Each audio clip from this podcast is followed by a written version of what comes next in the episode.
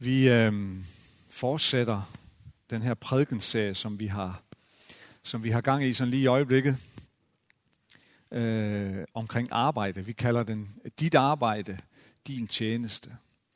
Øh, med den her sådan øh, bagtanke eller antagelse, at vi måske nogle gange kan, kan tro, at, at vores tjeneste for Gud, det er, det er sådan bare forbundet med, med det hus her, eller det vi foretager os her.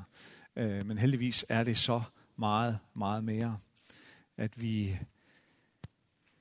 tjener Gud med alt vi er, alt vi har og alt vi kan. Og øh, for mange mennesker, så fylder arbejde jo meget. Det fylder meget af vores vågne timer. Øh, og øh, derfor så er det jo vigtigt at fokusere på det også, at vores arbejde rent faktisk er en tjeneste for Gud. Og øh, vi har tidligere set på, hvordan, øh, hvordan det at arbejde, det ligger sådan dybt forankret øh, i skabelsen.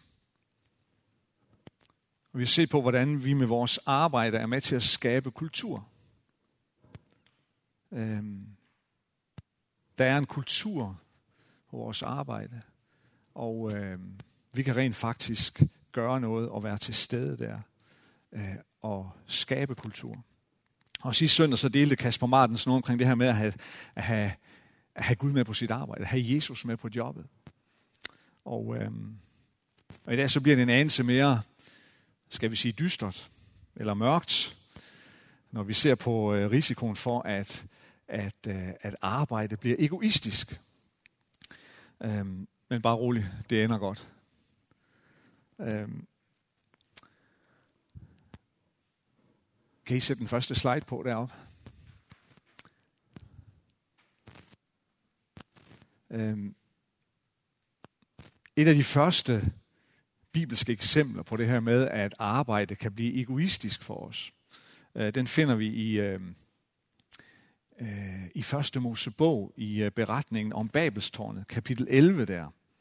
Og øh, den skal vi bare lige øh, opholde os lidt ved.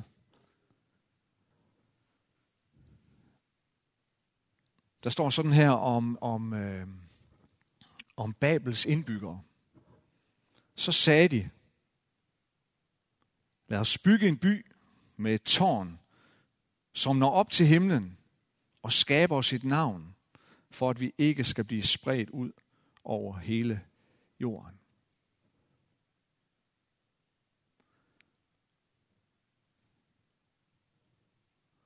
Her ser vi øh, lidt af, hvad der kan ske, når vores arbejde ikke længere tjener til at opfylde vores gudgivende kald, tror jeg, til at tjene Gud og hinanden. Når vores arbejde ikke længere tjener til at gøre den her verden til et bedre sted, men i stedet er blevet egoistisk, og dybest set kun skal tjene til at jeg får det bedre. Der står om, øh, om, øh, om indbyggerne her, at de vil bygge et tårn, som når op til himlen.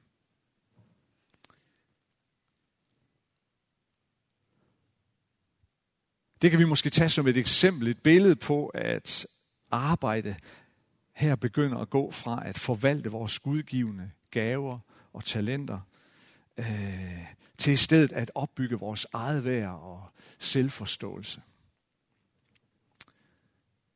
Her ser vi nogle tegn på, nogle indikationer på, at arbejde bruges til at gøre mig så god og så dygtig, så jeg selv kan række op til Gud.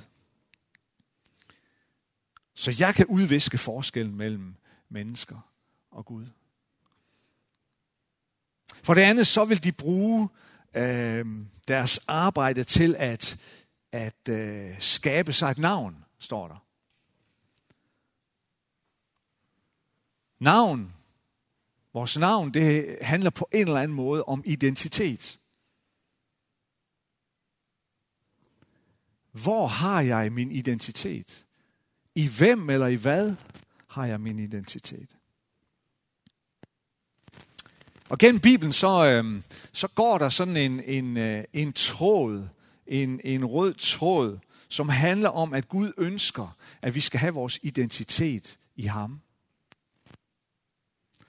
Derfor så står der flere steder øh, i Bibelen, at Gud giver mennesket et navn. Jeg giver dig et navn, siger Gud. Jeg giver dig et navn, som jeg bestemmer. Jeg giver dig et navn, som ingen andre kender. Eller Som ingen andre har taget initiativ til. Jeg giver dig et nyt navn. Jeg skriver dit navn her, og så videre. Men for Babels folket her, så skifter det karakter. Nu skal Gud ikke længere give mig et navn. Jeg vil selv skabe mig et navn. Og jeg vil bruge mit arbejde til at skabe mig det her nye navn. Jeg har ikke længere min identitet i Gud, eller det har jeg ikke brug for i hvert fald. Jeg vil hellere søge det i mig selv, i mine egne evner, i det jeg selv kan skabe og frembringe. Den amerikanske præst og forfatter Timothy Keller, han siger på den her måde, at hvis vi savner et navn, er det fordi vi ikke ved, hvem vi er. Og så siger han videre, at enten får vi et navn ud fra den Gud er, og det han har gjort for os. Eller også skaber vi os et navn på grundlag af det, som vi selv kan udrette.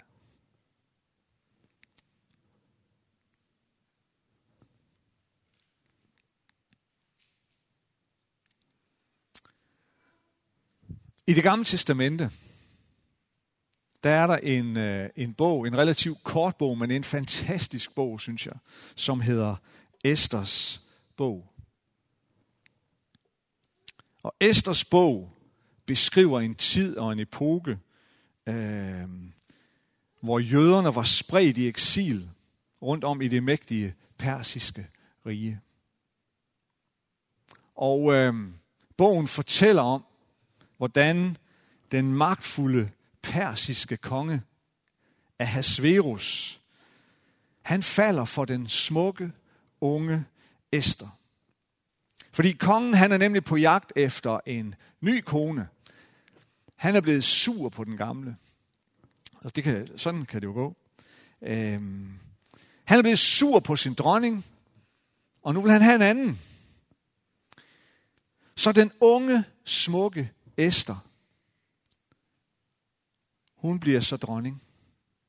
Men hun skjuler sin jødiske identitet for kongen.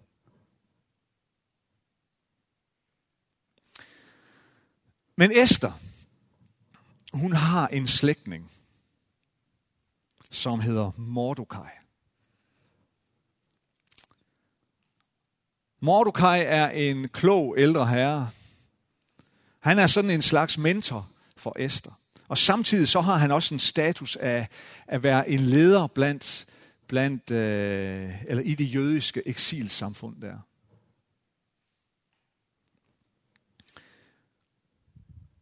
Samtidig så er der ved kongens hof en øh, meget magtfuld embedsmand, som hedder Haman. Og Haman, han kan bestemt ikke lide Mordecai jøderne. han kan det hele taget ikke lide nogen af jøderne, som bor i eksil i landet. Og det lykkes Haman at overtale kongen til at udstede et dekret, som skal sendes ud over hele landet. At på en ganske bestemt dato, så må alle i landet, som har jøder til nabo, gå ind i deres jødiske nabos hus, og både plyndre huset for værdier, men også slå deres jødiske naboer ihjel. Så der er virkelig krise for det jødiske eksilsamfund her. Stor krise.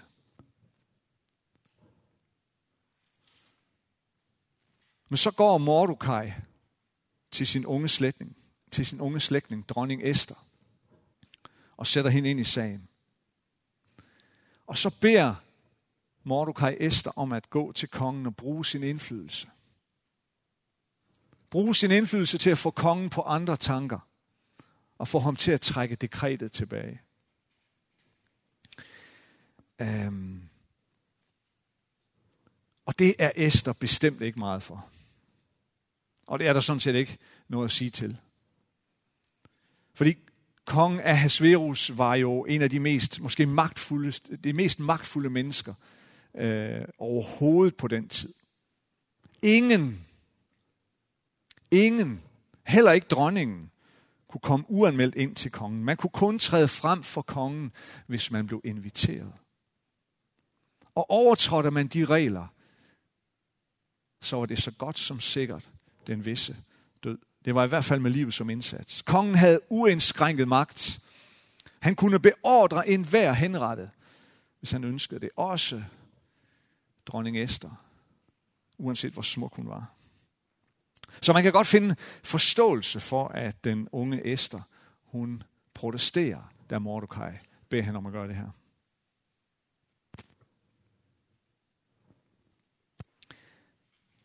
Men Mordecai svar tilbage til Esther, da han hører hendes indvendinger, er interessant, synes jeg. Fordi han svarer hende, at han gør hende klart, at, at øh, hun, skal, hun skal ikke leve i den vildfarelse og tro, at hun kan slippe fri fra den her alvorlige fare, som samtlige jøder nu befinder sig i, bare fordi hun opholder sig i kongens palads. Han siger til hende, hvis du undlader at gøre noget, så er jeg sikker på, at så vil, så vil vores folk få hjælp andet sted fra. Men du og dit hus, din slægt, vil gå til grunde, siger han til Esther. Så altså, det er det, hun står overfor. Hvis hun gør noget, hvis hun går til kongen uden at være inviteret, så kan hun risikere at dø. Men hvis hun ikke gør noget, så vil hun med størst sandsynlighed dø alligevel. Det er det dilemma, som Mordecai stiller hende overfor. Og så er det Mordecai, han stiller hende det her berømte spørgsmål, som også er et af nøgleverserne i den, i den her, hele den her fortælling. Hvem ved, om ikke det var med henblik på en situation som denne, du opnåede kongelig værdighed. Hvem ved, om ikke det var lige præcis med henblik på den her situation, at du opnåede kongelig værdighed. Det er måske at stramme den lidt, og så sætte lighedstegn mellem det at øh, være dronning i, øh, et persisk rige, og så øh, et almindeligt arbejde. Øh, men alligevel så kan vi godt se nogle, øh, nogle paralleller. I hvert fald så mere end antyder Mordecai. Der er en ganske bestemt grund til, at, at Esther hun har det arbejde, hun har. Der er en ganske bestemt grund til, at hun befinder sig i paladset. Tæt på magtens centrum. Lige præcis der. Lige præcis på det tidspunkt. Og i hvert fald lige præcis der, så står den unge Esther over for et valg.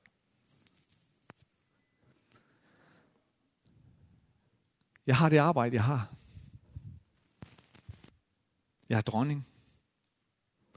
Og lige nu så kan jeg vælge imellem at forsøge at gøre noget godt for mit folk. Jeg kan vælge at prøve at bruge det til at gøre verden til et bedre sted at være for en stor gruppe mennesker. Eller jeg kan vælge en anden vej. Jeg kan vælge den mere egoistiske vej. Jeg kan vælge at gemme mig her i paladset. Jeg kan undlade at gå til kongen, for det er alt for besværligt. Alt for farligt. Jeg kan gemme mig selv. Jeg kan gemme min egen identitet. Jeg kan gemme mine egne ressourcer, det som jeg er blevet givet. Og håbe det bedste. Det er valget, som Esther står overfor. Vil du vælge at bruge det, du har i dine hænder, til glæde og gavn, forhåbentlig, for andre? Eller vil du bruge det for din egen skyld, til din egen fordel? Og Esther vælger, det har sikkert ikke været let, men hun vælger den uselviske vej. Hun vælger at trodse sin angst og uro for, hvad der kan ske med hende selv. Hun vælger at gå til kongen og gå i forbøn for sit folk, jøderne. Og for at gøre historien kort, så er kongen nådig. Han accepterer, at hun træder frem for ham. Og han lytter til hende, og han giver hende alt, hvad hun beder om. Og den, unge, eller den onde Hamans rænker falder tilbage på ham selv.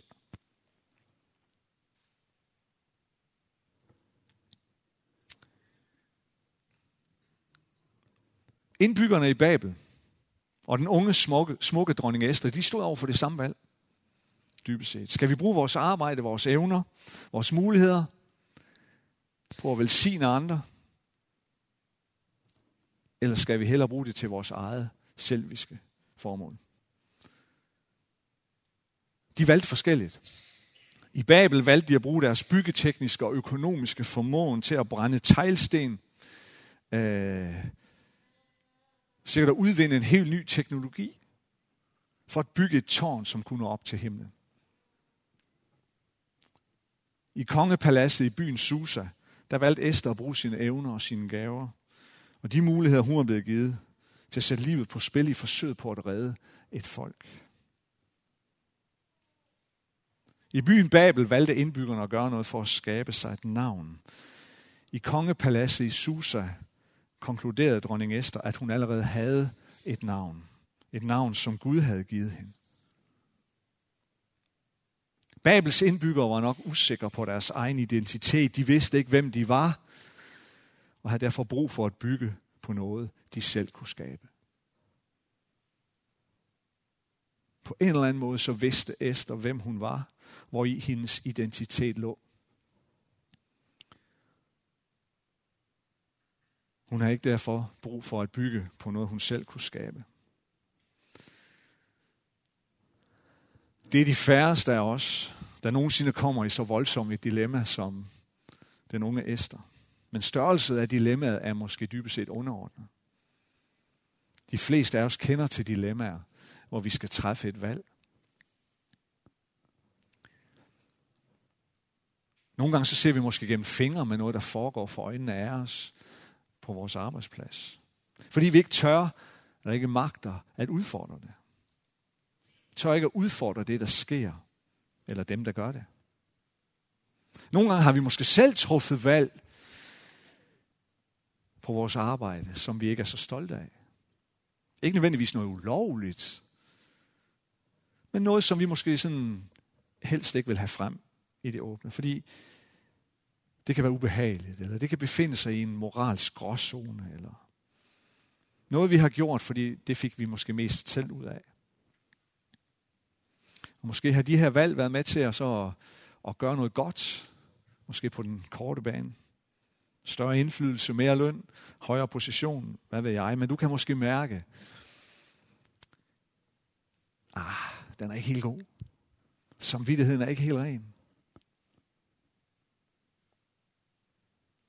Men så kan vi jo så spørge, om Esters samvittighed var helt ren. Først forsøgte hun at smyge sig udenom og gemme sig i paladset. Og når hun så endelig skulle træde frem for kongen med sit ønske, så blev det jo klart, at hun havde skjult sin, sin sande identitet for kongen. Nej, Esters samvittighed var måske heller ikke helt ren.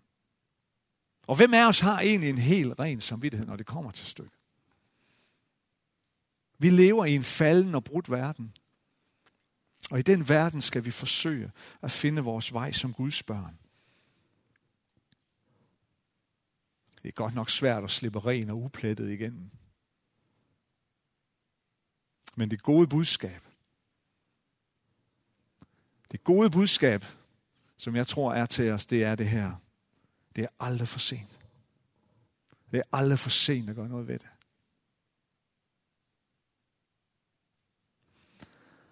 Jeg har den naive tro, at hver dag du går på arbejde, så vil Gud anspore dig til at tænke på, hvad du er på vej hen til. Og hvorfor? Hver dag ønsker han at anspore dig til at tænke på, hvad du laver. Hvorfor du gør det. Hvorfor du fik det. Og hvem du selv er i det spil. Jeg tror, at Gud hver dag vil anspore dig til at tænke på, hvorfor du befinder dig i paladset. Når Mordecai påminder Esther om hendes status som dronning og dermed hendes kongelige værdighed, så bruger han et udtryk, som rent grammatisk udtrykker en passiv form. Det er noget, hun har fået. Det er noget, hun er blevet givet, uden at hun selv har gjort noget for det. Hun er blevet givet en gave, og nu er det på tide at pakke gaven ud. Måske tænker du om dit arbejde, ja, jeg har opnået det, men jeg har også slidt for det. Jamen, hvem har givet dig styrken og udholdenheden til det? Jamen, jeg har også brugt mine evner. Jamen, hvem har givet dig evnerne og mulighederne? Og så videre. Mordecai mindede Esther om Guds nåde, og det, at det var af den nåde, hun nu var dronning. Prøv at tænke på, hvad der kan ske med dit arbejde. Dit syn på dit arbejde, dit syn på dig selv, dit syn, dit syn på de muligheder, du har for at tjene Gud på lige præcis din arbejdsplads. Hvis du hver dag går derhen med den her tanke. Det er af Guds nåde. Jeg nu er på vej til at gøre det, jeg skal. Det er Guds nåde, jeg kan arbejde lige præcis her, med lige præcis dette job. Og det er den nåde, jeg vil ære i dag. Det er den Guds nåde, jeg vil ære i dag. Lad os bede sammen. Almægtige Gud og himmelske Far, tak for arbejdet. Tak for det, du har skabt, at det ligger dybt forankret i skabelsen og i os at arbejde. At gøre noget med det, vi er blevet givet, det vi har fået og det vi kan.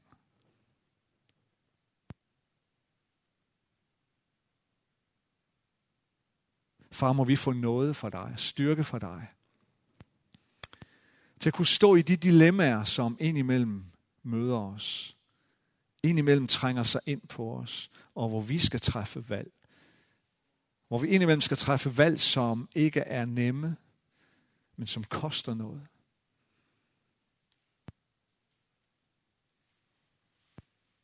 Vil du hjælpe os? Fra du som gav styrke til en ung dronning, dybest set omgivet af fjender, vil du også give styrke til os, som slet ikke står over for så store valg, men dog alligevel mærker fristelsen, trangen til at gøre det, der gavner os selv bedst. Tak fordi du har skabt arbejde. Tak fordi du har skabt muligheder, ressourcer, evner, talenter. Og du har i rigt mål velsignet os med det. Må vi leve et liv her. Må vi få noget for dig til at leve et liv, der giver ære til dig. Der giver ære til den nåde, vi er omsluttet med fra din side hver eneste dag. I Jesu navn. Amen.